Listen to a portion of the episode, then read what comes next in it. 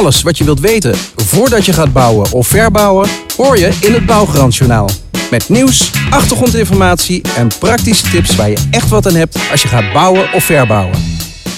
Met in deze aflevering van het Bouwgarantjournaal alles wat je wilt weten over het onderhouden en verbouwen van je woning. Het Bouwgarantjournaal wordt je aangeboden door Bouwgarant. Het keurmerk in de bouw.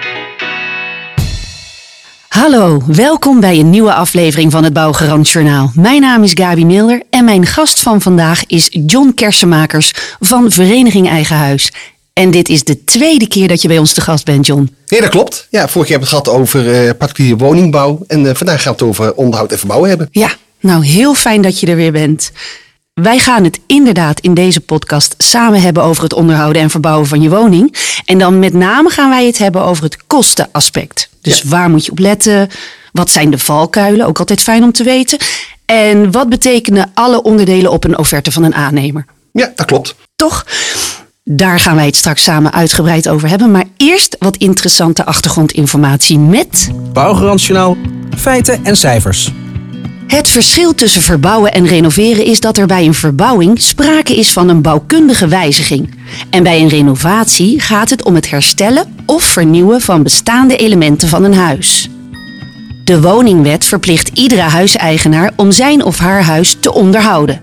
De gemeente is verantwoordelijk voor het toezicht op de naleving van de woningwet en maakt hiervoor gebruik van een inspecteur woningtoezicht. De meeste conflicten met aannemers ontstaan door onduidelijke afspraken. Deze zijn dan niet of niet goed op papier gezet.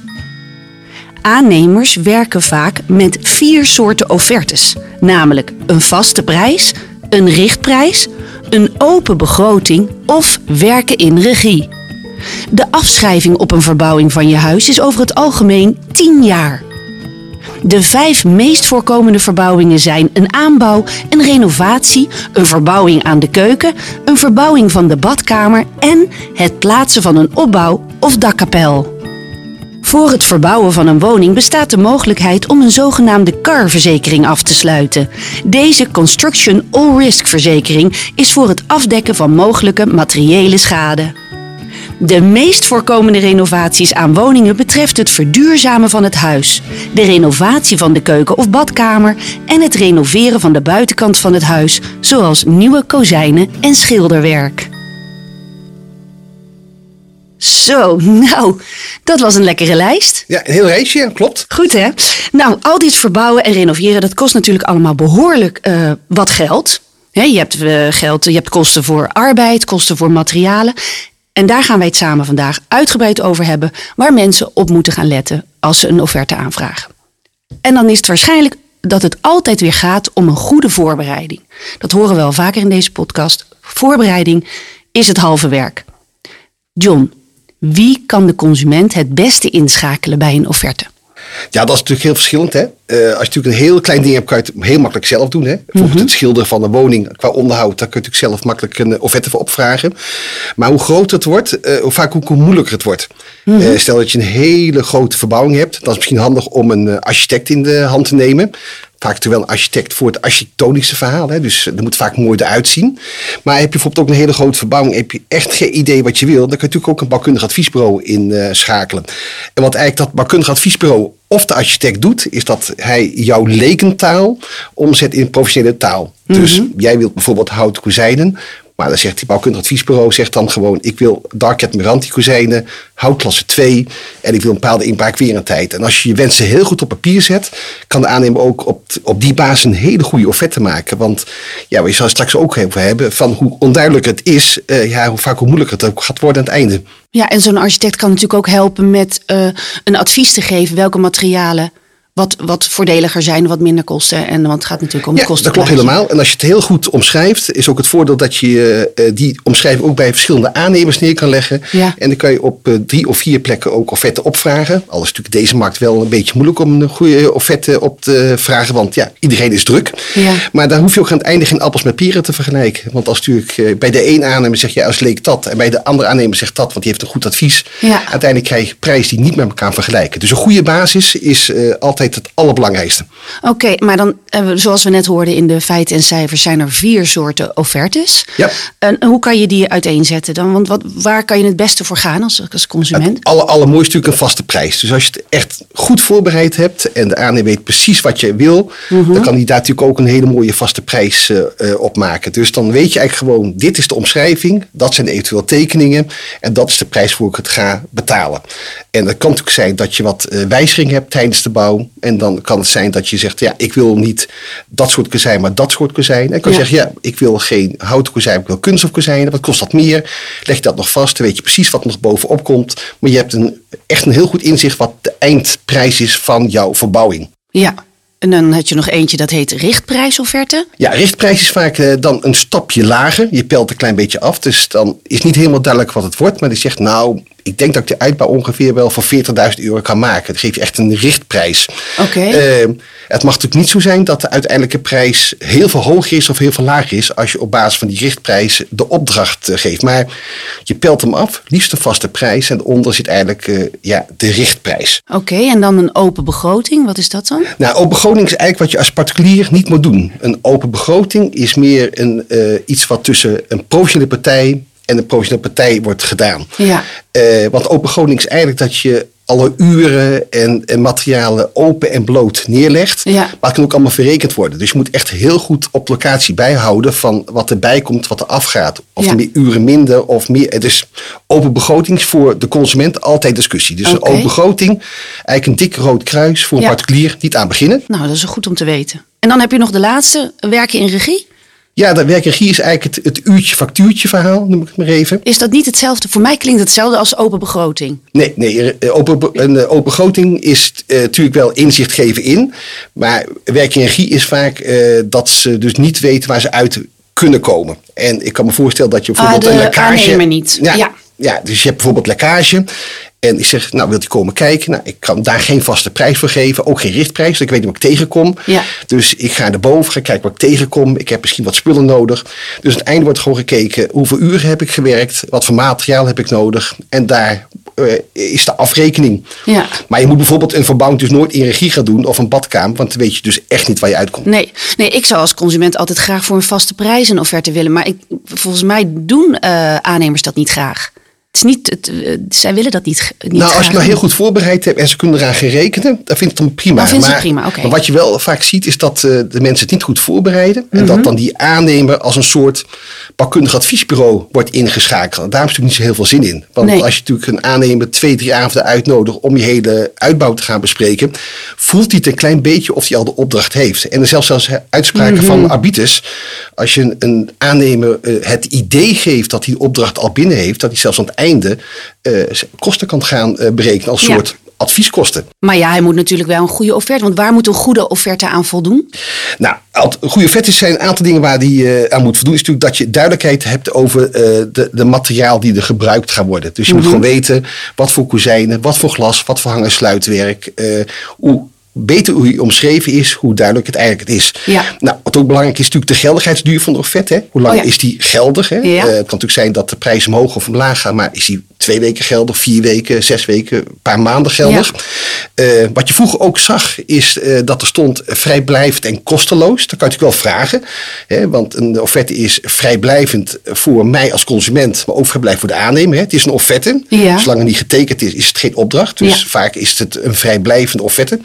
En kosteloos, wat, daar kan je natuurlijk over discussiëren. Want eh, wat je nu wel vaak ziet, is de aannemers heel druk zijn. Die zeggen, Ja. ik wil wel een offerte maken, maar krijg ik hem niet. Wil ik voor jou toch een paar honderd euro hebben. Dus Ja, kan ligt ook- eraan natuurlijk hoeveel werk ze erin hebben zitten. En of ze dan al mee hebben besloten. eh, een soort van architectonische besluitvorming al plaats heeft gevonden door een aannemer. Ja. Toch? Dan is dat. Ja, maar als je, je kan zeggen, eh, je kan vragen of het vrijblijvend kosteloos is. Dat je Ja. niet aan het einde zegt van ja, maar ik heb zoveel werk in gestoken. Ik wil toch wel wat, geld van jou hebben. Oké. Nou, en ook heel duidelijk natuurlijk welke werkzaamheden door de aannemer worden verricht. Hè? Want het kan Ja. natuurlijk ook zo zijn eh, dat je dingen bijvoorbeeld zelf gaat doen. Of dat je zelf nog een installateur inschakelt. Dus dat zijn wel al de belangrijkste dingen van een, eh, van een, een vaste prijs. En ja, en als er dus wijzigingen zijn, je kan ook in die eh, vaste prijs verrekenprijzen opnemen. Dus stel dat stukwerk slecht is, reken ik x bedrag per vierkante meter.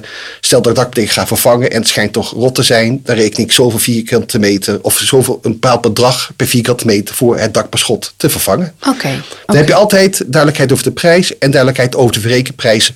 En het zou mooi zijn als je weet wanneer je begint, wanneer je eindigt. eh de algemene voorwaarden moet natuurlijk eh, zijn. Dus een heel, heel groot lijstje waar je op kan letten. Ja, nou, ik ben benieuwd wat de mensen, dat doen we altijd natuurlijk in deze podcast, zelf denken op straat over waar ze allemaal op moeten letten en eh, wat, er, wat voor kosten erbij komen kijken bij het renoveren of verbouwen van je huis. En dan gaan we even naar luisteren. eh, goed prijzen vergelijken van eh, verschillende eh, aannemers. En je moet ook eh, kijken waar je je spullen haalt. En je moet natuurlijk zorgen dat je goedkope koffie in huis haalt. Voor de aannemers natuurlijk. Ja, je moet een aannemer inhuren en eh, bouwmaterialen, eh, bouwkosten, misschien nog wel vergunningen, eh, uurloon van de mensen, eh, misschien nog wel huur van bepaalde apparaten of machines. Dus eh kan flink oplopen als je het van tevoren niet goed bekijkt. Ehm, nou, je moet inderdaad een hele goede budget hebben. Ehm, eh, goede planning. hele goede afspraken met, met de aannemer. Dat alles echt op tijd aangeleverd wordt. Ehm, want eh, hoe langer dingen duren, like, hoe duurder het wordt. eh, alle onverwachte ehm, tegenvallers, dat, die zijn belangrijk. Dat, dat je mentaal voorbereid zijn. En dat je toch een beetje geld achter de hand hebt om, om die eh, op te vangen. Want, oh, en ook, je moet ook bereid zijn om toch helaas in te leveren op je, je droomscenario. Je droom, eh, bijvoorbeeld eh, tapijt, ik zeg maar wat. Of, eh, of ehm, eh, keukenblad of eh, whatever else. Ehm, dus eh, dat zijn een paar voorbeelden van waar je moet opletten. Ik denk dat je sowieso uitgezocht moet hebben of je recht hebt op subsidie en zo ja, welke subsidies. Want er zijn er volgens mij ontelbaar veel van eh, bij de gemeente, maar ook vanuit de Rijksoverheid wordt veel reclame voor gemaakt. Dus en verder denk ik dat je veel eh, offertes zal ook moeten vergelijken tussen de aannemers. Ik kan me voorstellen dat daar wel het prijsverschil in zit. Ik denk dat je het echt heel goed eerst zelf uitgezocht moet hebben voordat je weet waar je aan begint. Dat je duidelijke afspraken maakt met de aannemer of met de bouwmensen die het gaan doen. Dat je niet achteraf nog een, eh, een stelpostje krijgt van een aantal duizenden euro's of van extra materiaalkosten. Dus dat is erg belangrijk.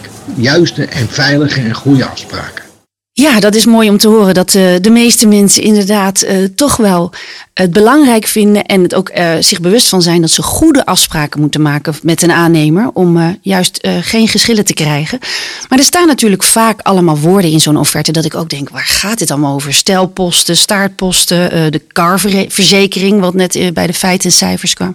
Kan jij helder uitleggen waar al die posten in een offerte voor staan? Ja, nee, dat kan ook, is geen probleem. Nou, we hadden natuurlijk als eerste al natuurlijk die eh, verrekenprijzen.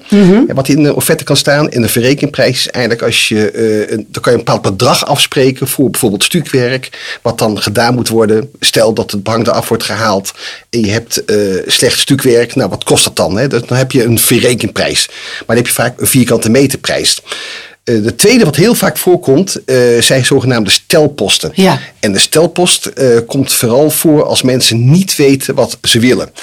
Ik noem even een voorbeeld. Je hebt een uitbouw en dan zegt, eh, ja, ik weet niet hoeveel stopcontacten ik wil hebben. Ja. Dus dan komt, wordt er een stelpost opgenomen, stelpost Elektra.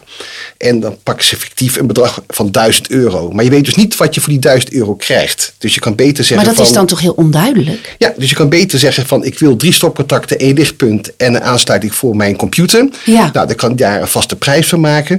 Maar als je dus een stelpost opneemt, is dat eigenlijk een verrekenprijs. Maar je weet eigenlijk niet hoe die stelpost is opgebouwd. Wat erin is opgenomen. Is gewoon een fictief bedrag. En ook een nadeel van een stelpost kan zijn, is dat je denkt dat je uiteindelijk goedkoper uit bent, omdat die stelposten erin staan. Ja. Maar uiteindelijk worden die stelposten veel hoger. En Ja. is misschien je eindprijs wel hoger als hetgene wat misschien iemand die een vaste prijs gemaakt, maar alles al een beetje in Ja. stond beschreven. Dus jouw advies is zo min mogelijk stelposten in een Ja, soms ontkom je niet aan. Hè? Als mensen echt niet weten wat ze willen. ze Ja, dan moet van- wel. Dan moet hij wel. Ja. Maar het liefst zo min mogelijk eh, stelpost. Want je weet niet waar je dus uitkomt. Ja. Nou, een andere kreet noemen ze staartkosten. Ja. En de staartkosten zie je vaak niet in de offerte. Dat is vaak erin verrekend, maar heb je vaak een hele grote eh, offerte. Dan zie je aan het einde wel eens een keer wat staartkosten staan. En die kosten zijn aan het einde. Ja. Dat is bijvoorbeeld, dan krijg je duidelijkheid over de winst en risico eh, die je heeft opgenomen. Over de wat? Wat zeg je? Over de- Winst en risico. Oh, oké. Kijk, want heb je natuurlijk een vaste prijs. Hè, Dat zie je het allemaal niet. Maar als je natuurlijk een hele uitgebreide offerte hebt, dan zegt hij, nou, ik heb zoveel materiaal nodig, ik heb zoveel uren nodig, ik heb een stijger nodig. Dat is allemaal, wat noemen we ook allemaal directe kosten. Hè. Dat is allemaal op het bouwwerk eh, van toepassing. En dan zegt hij, nou, de staartkosten komt wat bij, want eh, ook het kantoor moet betaald worden waar, Ja. Waar de directeur zit of waar de, waar de hele administratie zit. Nou, dat is niet op het werk, maar het moet wel allemaal betaald worden. Dat zit in de staartkosten. Dus het zijn algemene kosten hè, voor het bedrijf Moet zelf. maar zou ik, is dat altijd, mag je dat wensen van een aannemer? Dat het transparant is wat, wat hij voor eh markup heeft bovenop de. Nee, dat kan je niet, niet eh, eh, verplichten. Maar, maar dit zie je eigenlijk ook alleen maar als je een vrij, he- vrij grote verbouwing hebt. Hè? Ik denk als je een ton of twee ton aan verbouwing hebt, dan zie je dit soort dingen gebeuren. Maar als jij gewoon schilderwerk hebt, daar staat niet in. De staartkosten zoveel, of ik maak zoveel winst. Nee. Maar het kan zijn dat eh, de kreet staartkosten op de offerte staat. En dan eh, houdt het eigenlijk in dat dat de kosten zijn die aan het einde allemaal aan de staart erbij komen. Oké. Winstenrisico, algemene kosten, eh, dat soort dingen zitten allemaal bij. Ja. En daarnaast eh, zie je vaak de carverzekering. Ja, wat houdt dat in? Nou, heel handig dat de aannemer dat wel heeft afgesloten. Ja. Je kan het een klein beetje zien als een soort eh, eh, eh, ja, reisverzekering. Mhm. hè? Dus je verzekert iets.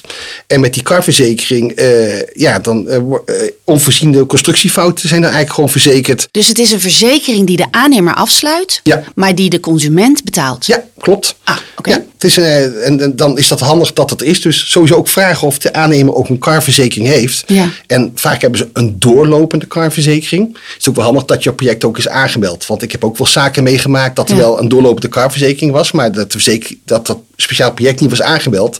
En dat de aannemer heel moeilijk deed bij een geschil. Maar het En wat is dan het, verzekering, het verschil tussen een carverzekering of een eh, bouwgarant? Nou, bouwgarant zit wel verder. Heb je ook nog een keer een afbouwgarantie, wat er dan nog een keer eh, bij zit. Dat zit bij die carverzekering natuurlijk niet, eh, niet bij. dat is een, eh, voor de constructie. Hè? Ja. Dus stel dat er een bouwfout komt en het bouwwerk stort in. Ja. dan heb je eigenlijk een carverzekering nodig. Maar het is ja. niet een, een bouwgarantverzekering dat je afbouwgarantie hebt. Oké, en is dat een eh, vast bedrag, zo'n carverzekering, of is dat procentueel op de hele no eh, Ik weet niet helemaal zeker, maar ik denk dat het een procentueel verhaal is. Want eh, aanvankelijk van het risico wordt ook natuurlijk een bepaald bedrag verzekerd. Ja, maar dat logisch. durf ik niet helemaal met zekerheid te vertellen. Hebben we dan alle eh offerte mogelijkheden doorgenomen? Nou ja, wat je nog als laatste ziet is eh, ook niet vaak duidelijk, maar je hebt natuurlijk wat we noemen directe kosten en indirecte kosten. Ja. En de directe kosten zijn eh, puur eh, op het bouwwerk zelf. Denk Mhm. de uren, de materialen, eventueel de stijgen, dat zijn directe kosten. En wat ik al zei, de indirecte kosten zijn de kosten die er een beetje omheen hangen. En dat is het kantoorgebouw wat dan betaald moet worden, de Ja. verwarming, de directeur. nou, dat zijn eigenlijk de indirecte kosten. Dus dat zijn de belangrijkste dingen. En als je het dan over de directe kosten hebt, dan heb je het over de stijger, maar ook vergunningen en zo. Heb je daar ook nog verschil tussen eh, in steden eh, eh, of, of landelijk opdrachten? Dat zou natuurlijk ook verschil zijn bij een aannemer. Nou, je ziet dus best wel wat grote verschillen in prijs. Mhm. Het ligt er ook een beetje waar je in Nederland woont. Of je ja, misschien wel de hoofdprijs betaalt voor hetzelfde werk of eh, niet de hoofdprijs betaalt. Ja. En er zijn vaak drie dingen die dat wel bepalen. De uiteindelijke prijs is vaak dus de regio. ja, Hè, precies. dus in Amsterdam is het. eh, Amsterdam heb je wel een dingetje. Ja, dan heb je wel een en- dingetje. Ja, en dat is dus zo dat, dat ook de mensen vaak wat meer kunnen betalen. Dat is één. Mhm. Eh, ten tweede, je moet naartoe rijden. Nou ja, Ja. als je in de file staat, dat gaan ze natuurlijk al een beetje doorberekenen. Parkeerkosten. Parkeerkosten, eh, die worden dan doorberekend. Precario, hè, dus dat je inderdaad een deel van de stoep misschien moet huren eh, om je materiaal op te slaan. Precario is, zijn, is vergunningen? Ja, is een, vergunningen moeilijk- een mooi ja. woord Dus- voor vergunningen. Ja, dus Ah, je hebt een, een, een, straat waar je iets wil opslaan. Want ja, je kan vaak niet alles kwijt. Je gaat een grachtenpand verbouwen. Ja. Waar moet je je spullen kwijt? Ja. Nou, op de stoepen. Dan moet je dat aan de gemeente gaan, gaan vragen. Eh, ja, dat, dat zijn de, daarom zie je dat het binnenstedelijk vaak ook wel wat duurder is. eh, als het ja, buitenstedelijke. Hè? Ja. Dus eh, daar zie je wel wat, eh, wat verschil in. Ja. Ook bijvoorbeeld dat je materiaal, je moet het in kleinere vrachtwagentjes misschien aanvoeren. En als je bijvoorbeeld een landelijk gebied hebt, ja, doe één grote vrachtwagen en je hebt alles in één keer staan. Ja. Dus Ja. daar zitten wel wat grote eh, eh, verschillen in. Ja. Locatie inderdaad, eh, de, de, de bouwplaats en de regio. En dat de kan, regio. echt, kan best wel een groot verschil uitmaken. Ja. Nou, helder. En wat is nou het grootste valkuil van een offerte? Als, als ik die voor mijn neus krijg, waar moet ik dan echt voorzichtig mee zijn? Nou, wat je vaak dus ziet is dat mensen een bepaald bedrag in hun hoofd hebben. Dus Ja. Ik geef even een voorbeeld. Ik heb eh, 100.000 euro voor een eh, verbouwing over. Ja. En er is natuurlijk een hele mooie technische omschrijving gemaakt. En dan ga je dat bij de aannemer neerleggen. En ja, dan gaat hij rekenen en dan komt hij op 130.000 euro uit. Dan denk ik, nou, dat geld heb ik dus gewoon niet. Nee. Dus er moeten er eigenlijk 30.000 euro moeten vanaf. En dan, eh, wat er dus vaak gebeurt, is dat je eigenlijk door de onderhandelingen overzicht kwijt bent. Want dan zegt hij van nou, weet Oh, je wat, ja. die keuken doe ik dan eh, zelf wel. En eh, die radiator hang ik ook wel zelf op. En dan op een gegeven moment komen ze wel op die 100.000 euro. Ja. Maar aan het einde weten ze eigenlijk dus niet meer eh, wat je afgesproken hebt. Hè, Ja. Want je hebt natuurlijk wel een, technische omschrijving. Je hebt een, een offerte met een vaste prijs. Ja. En dan ga je met elkaar overleggen om die prijs wat lager te krijgen. En als je daar dus op een gegeven moment het overzicht kwijt bent. Ja. Daar ontstaan dus ook heel veel discussies. eh, Merken aan- jullie dat ook bij Vereniging Eigen Huis? Dat Ja. er steeds meer geschillen zijn? Ja? Nou ja, het, is, het wordt steeds meer. Ja. Maar het was al eh, niet weinig. Oké. Ja, dus wordt- jullie ja. hebben genoeg, eh, genoeg werk. Nee, daar heb je inderdaad eh, genoeg, eh, genoeg werk aan. Hè. Dus wat je ook vaak ziet is dan een, eigenlijk een tweede valkuil. Dus dat type werk en materiaal niet goed is omschreven. hè. Dus mensen hebben een bepaald verwachtingspatroon. Oh ja. En ze krijgen toch wat anders. Dan denken ze, ik krijg hele mooie hardhouten kozijnen. Hè. Bijvoorbeeld Dark Red Meranti, houtklasse 2. Echt hartstikke goed, gaat hartstikke lang mee. En dan hebben ze opeens vuurhouten kozijnen zitten. Ja, wij hebben houten kozijnen afgesproken. Dat heeft Ja. hij ook gekregen. Hè, dus eh, dan heb je natuurlijk ook een probleem. Dus Ja. dan is het verwachtingspatroon anders als dat je eigenlijk hebt gekregen. En dat pleit weer voor een hele goede voorbereiding, een hele goede omschrijving eigenlijk van je, van je werkzaamheden. Eigenlijk moet je dan zelf als consument ook alle afspraken zelf ook nog eens goed op de mail zetten. Dat, toch, dat de aannemer ook echt ziet van, oh ja, de, de consument denkt dit afgesproken te hebben met mij. Nou ja, de voorbereiding is het belangrijkste. En we begon- kom eigenlijk bij het begin. Een goede voorbereiding is halve werk. Dus Ja. je kan heel veel dingen op de mail zetten. Maar in basis is natuurlijk een, iets, een prijs afgesproken op Ja. een bepaalde eh, werkomschrijving. Ja, maar er dus ook materiaal gebruiken. Dus Ja. alles goed benoemen. Ja. Ja. en wat je, de, eh, wat je ook een derde valkuil is, is natuurlijk, eh, wat ook eens fout gaat, is natuurlijk dat je eh, op een gegeven moment dingen eh, geld wilt eh, eh, besparen door het bij verschillende partijen uit eh, te besteden. Oh ja. Het mooiste is natuurlijk dat je één hoofdaannemer hebt die ook de stukken door aan eh, stuurt en de installateur, dat alles onder één koepel eigenlijk eh, zit. Ja. Mensen willen dan geld gaan besparen. Denken, oh weet je wat, ik doe een aparte kozijnenman, ik doe Ja. een aparte installateur. En, eh, ja, en daar gaat het vaak fout. Want die- Uiteindelijk ben je dan duurder uit. ja, want dan moet je allemaal op elkaar af eh, gaan stemmen. Ja. En je bent dan toch nog een leek. En je kan niet aan de touwtjes trekken. Zeker niet in deze markt. Dat er op tijd die stucadoor er staat. Of op tijd die elektricien Oh, staat. ja, en wat shit. gebeurt er dan? Ja. Dan eh, wil je, staat de stucadoor daar. En dan is het eh, buisje van de elektricien nog niet eh, gevreesd. En dan gaat hij gewoon weg. En dan komt hij terug als je geluk hebt. En eh, ja, dan heb je echt heel veel kosten achteraf. Want komt hij wel. Dan zegt hij, ja, maar ik moet weer extra betalen. Want ik moet extra aankomen rijden. Ja. Dus dat ja. soort dingen gebeuren ook heel erg vaak. Ja, en dan, dan ben jij de dupe inderdaad. Dus goedkoop is duurkoop altijd weer. Dat Eigenlijk soort- wel. Ja. En ja. voorbereiding is halve werk. ja. Dus, John, wat is eigenlijk de eindconclusie? Nou ja, goed voorbereiden is het halve werk. En eh, ja, wat ook eh, veel juristen zeggen van eh, ja, het allerbelangrijkste is wat zijn beide partijen overeengekomen. Kijk, als je geschil hebt, is het belangrijkste van wat zijn beide partijen overeengekomen. Als je dat niet kan aantonen, dan wordt het eigenlijk alleen maar moeilijk. Dat, is, eh, dat kan ik, zo'n zo, zo mooie ik wel zeggen. Ja. Ja. Goed, nou dankjewel. John Kersenmakers van Vereniging Eigen Huis voor je duidelijke en zeer interessante informatie. En natuurlijk voor je komst naar de studio. Ja, graag gedaan. Dankjewel. En alle luisteraars bedankt voor het luisteren naar dit Bouwgarant Journaal. En graag tot de volgende keer. Alles wat je wilt weten voordat je gaat bouwen of verbouwen. Je hoort het in het Bouwgarantjournaal. Wil je meer informatie of wil je andere afleveringen van het Bouwgarantjournaal horen? Ga dan naar bouwgarant.nl. Bouwgarant, het keurmerk in de bouw.